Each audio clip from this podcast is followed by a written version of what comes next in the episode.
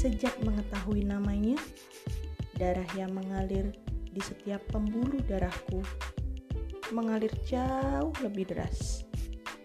Bahkan aku sempat takut kalau darahku bocor dari pembuluh darah. Duh, kok jadi hiperbola gini ya?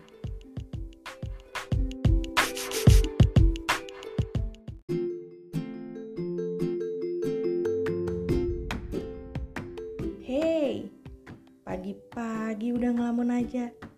Mikirin negara. Suara Raihan terdengar di telinga kananku dan berhasil membuat moodku berubah. Aku pun menjawab, iya nih, mikirin pindahin warga negara kayak kamu, gimana caranya ya? Meski suaraku terdengar sedikit kesal, Raihan justru menunjukkan raut wajah yang tersenyum dan kedua pipinya merah merona seperti habis dipoles dengan blush on warna pink. Oh iya, Raihan. Dia salah satu teman sekelasku selain Pina. Jika hanya melihat dari segi fisik, rasa-rasanya ingin memberikan seluruh hidup kita untuknya. Wajah putih mulus terawat dengan sentuhan blasteran Eropa. Tubuh yang tinggi, proporsional, dan tak kalah menariknya, dia berkacamata. Dan ya, itu cowok idaman aku banget. Tapi, jika sudah tahu kelakuannya, yang lumayan abstrak seperti barang antik di museum, aku jadi mikir berkali-kali untuk jadi penggemarnya.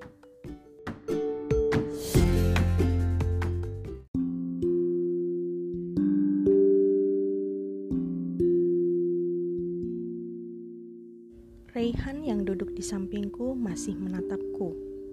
Namun, tidak ada satu kata pun terucap. Hei, itu mata copot lontar ngeliatin mulu.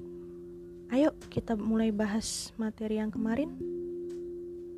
Dan sepertinya barusan aku membuang tiga detikku yang berharga karena Raihan masih di posisi yang sama, memandang ke arahku. Tak ingin menambah kerugian waktu, aku pun membiarkannya dan membuka buku catatanku.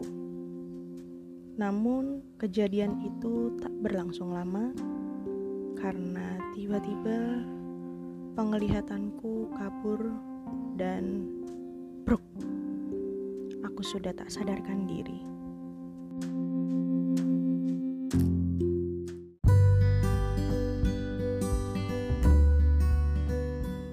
Sudah berapa lama, akhirnya aku membuka mata dan melihat langit-langit ruangan yang cukup asing bagiku.